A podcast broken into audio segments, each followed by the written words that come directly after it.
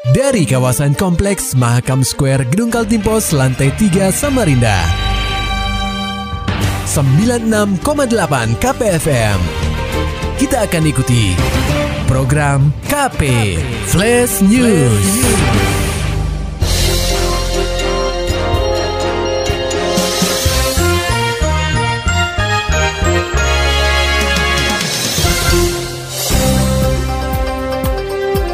Pendengar KP, pemuda 19 tahun bernama Muhammad Al-Fayed dilaporkan tenggelam di perairan Sungai Mahakam, tepatnya di sekitar Jembatan Mahakam Samarinda, Senin 18 Januari 2021, sekitar pukul 17.30 waktu Indonesia Tengah. Kepala Satuan Kepolisian Perairan atau Satpol R, Polresta Samarinda, AKP Iwan Pamuji menerangkan, kejadian ini bermula saat korban bersama empat rekannya ingin bermain dari rumah temannya di Kelurahan Harapan Baru menuju sebuah dermaga di Kompleks Mahakam Square, Jalan Untung Suropati, Samarinda. Korban tadi setelah dari Makam Square, 10 menit Makam Square tadi langsung minta ke main di jembatan Makam itu. Yang bersangkutan mau renang, ya mau renang hmm. sudah diingatkan sebetulnya sama teman-temannya, jangan karena arus deras.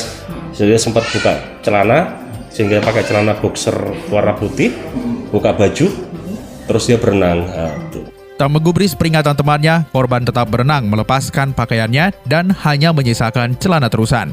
Iwan menyebutkan dalam rekaman video dari rekan-rekannya yang viral di sosial media, terlihat bahwa detik-detik korban terbawa arus deras sungai Mahakam.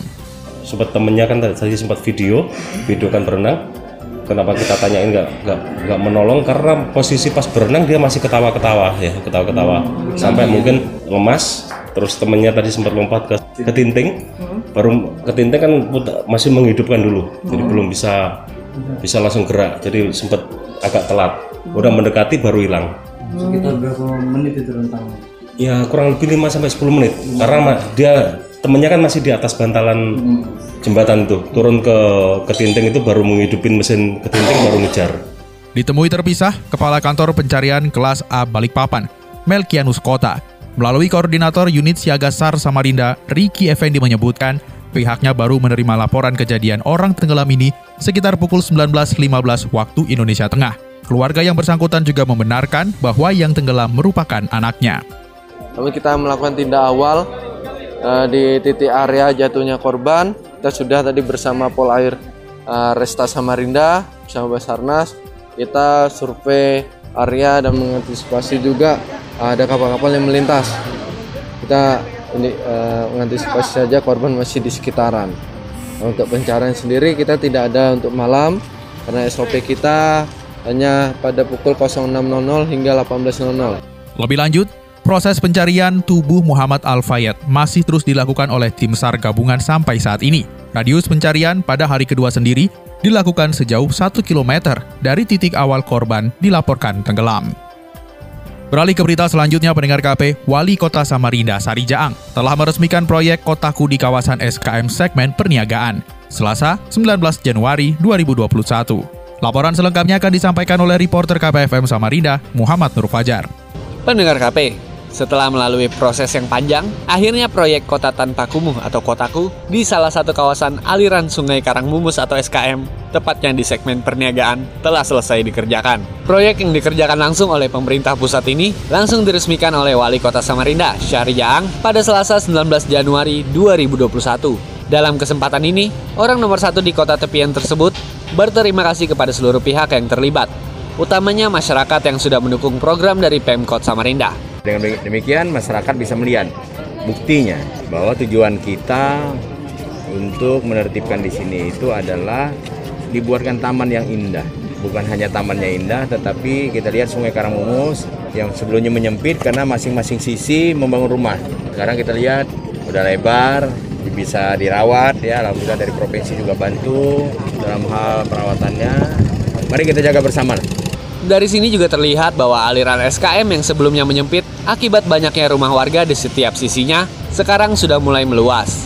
Hanya saja, Jaang tampak kecewa dengan masih banyaknya sampah yang berseliweran di aliran SKM.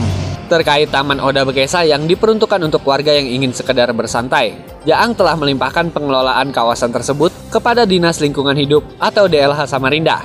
Tetapi, selama enam bulan ke depan, taman ini akan dikelola oleh Balai Prasarana Pemukiman Wilayah atau BPPW Kaltim. Disampaikan oleh Pak Sandi untuk pengolahan diserahkan ke Dinas Lingkungan Hidup. Bahkan di dalam masa 6 bulan ada MOU harus dikelola dengan baik sesuai dengan standar prosedur yang ada. Kalau itu karena mungkin karena kondisi pelaksanaan pekerjaan ya salah dilaksanakan SOP itu masih menjadi tanggung jawab daripada uh, Balai Pengumuman sebagai pelaksana. Tapi kalau di luar SOP berarti tanggung jawab pemerintah kota lewat dinas lingkungan. Harapan kita uh, dalam enam bulan itu uh, semua berjalan dengan baik. Sekali lagi dukungan masyarakat, eh, jangan dicoret-coret lampunya. Kadang-kadang bisa rusak, bisa apa. Lebih lanjut, Jaang berharap agar masyarakat dapat merawat fasilitas yang telah dibangun. Selain itu, Pemkot Samarinda juga akan menempatkan kamera pengawas di setiap sudut taman, sehingga fasilitas yang sudah ada tidak dirusak dan dicuri oleh tangan-tangan jahil. KPFM Samarinda, Muhammad Nur Fajar melaporkan. Sementara itu pendengar KPFM butuh waktu sebulan perbaikan jalan poros Samarinda Balikpapan yang ambles. Laporannya disusun reporter KPFM Samarinda, Maulani Alamin. Pendengar KP, sejak awal tahun tepatnya 2 Januari 2021, jalan poros di kilometer 6 Kecamatan Loajanan yang menghubungkan Balikpapan dan Samarinda rusak parah. Tanah ambles tersebut membuat ruas jalan yang bisa dilintasi jadi terbatas. Balai Besar Pelaksanaan Jalan Nasional atau BBPJN Kaltim telah menyusun skema perbaikan jalan rusak tersebut. PPK BBPJN Rahmat Fajar menjelaskan, penanganan sementara dikerjakan selama sebulan. Targetnya, jalan di sana dapat dilewati dua lajur. Fajar melanjutkan, untuk pembenahan jangka panjang, pihaknya sedang menyiapkan detail engineering design atau DED. Ya kalau untuk penanganan eh, semi permanennya itu kami usahakan satu bulan ini. Sesuai komitmen saya dengan Pak Dir bahwa setelah semi permanen kami akan naikkan badan jalan kembali dan dapat dimanfaatkan oleh eh, masyarakat Kaltim. Dan satu bulan ke depan ini kami akan eh, lelangkan dan mungkin lelangnya uh, akan makan waktu satu bulan lagi. Jadi nanti akan dilaksanakan secara permanen untuk lima titik yang longsor. Laporan sementara tim penyelidikan tanah BBPJN menyebutkan penurunan tanah berada di sisi kanan arah Balikpapan sekitar 1,8 meter sejak 2 Desember 2020. Kemudian titik bidang gelincir mencapai 61 meter, sementara panjang jalur terdampak 96 meter dibulatkan menjadi 100 meter. BBPJN telah menyiapkan anggaran sekitar 1 miliar rupiah untuk penanganan semi permanen. Pengerjaan meliputi drainase dan pelebaran jalan. KPFM Samarinda, Maulani Al-Amin melaporkan. Masih soal penanganan jalan ambles di kilometer 6 Kecamatan Loajanan. Pendengar KP, tanah ambles yang terjadi di Jalan Poros Samarinda Balikpapan, tepatnya di Jalan Soekarno-Hatta, membuat otoritas terkait memutar otak, memikirkan penanganan yang tepat agar longsor tidak semakin parah. Salah satu penanganan yang dapat dilaksanakan dengan buka tutup jalan. Langkah ini diambil supaya jalur di sana dapat dilintasi, sementara petugas berwenang melakukan perbaikan. Direktur Lalu Lintas atau Dirlantas Polda Kaltim, Kombes Pol Sigamata, menyebutkan selama perbaikan ruas jalan hanya dapat dilalui oleh satu arus kendaraan, sehingga pihak kepolisian memperlakukan sistem buka tutup. Dia juga mengusulkan apabila terjadi hujan lebat, kendaraan niaga dengan berat di atas 6 ton dialihkan menuju jalan tol Balikpapan Samarinda atau tol Balsam. Sehingga Mata juga telah berkoordinasi dengan pihak jasa marga Balikpapan Samarinda supaya memberikan subsidi bagi angkutan logistik yang melewati tol Balsam. Di jalan tol nanti kita coba akan bersurat kepada Dirut PT Jasa Marga Balikpapan Samarinda. Karena nanti mungkin di waktu-waktu tertentu kita akan coba alihkan kalau memang tidak bisa melintas ini kendaraan-kendaraan berat. Ini kan kendaraan niaga. Mereka kalau lewat jalan tol ada kosnya lagi mungkin dari pemerintah karena itu adalah jalan negara mungkin dari pemerintah nanti akan memberikan keringanan Berdasarkan laporan Balai Besar Pelaksanaan Jalan Nasional atau BBPJN, terdapat lima titik longsor di Jalan Poros kilometer 6, Loajanan.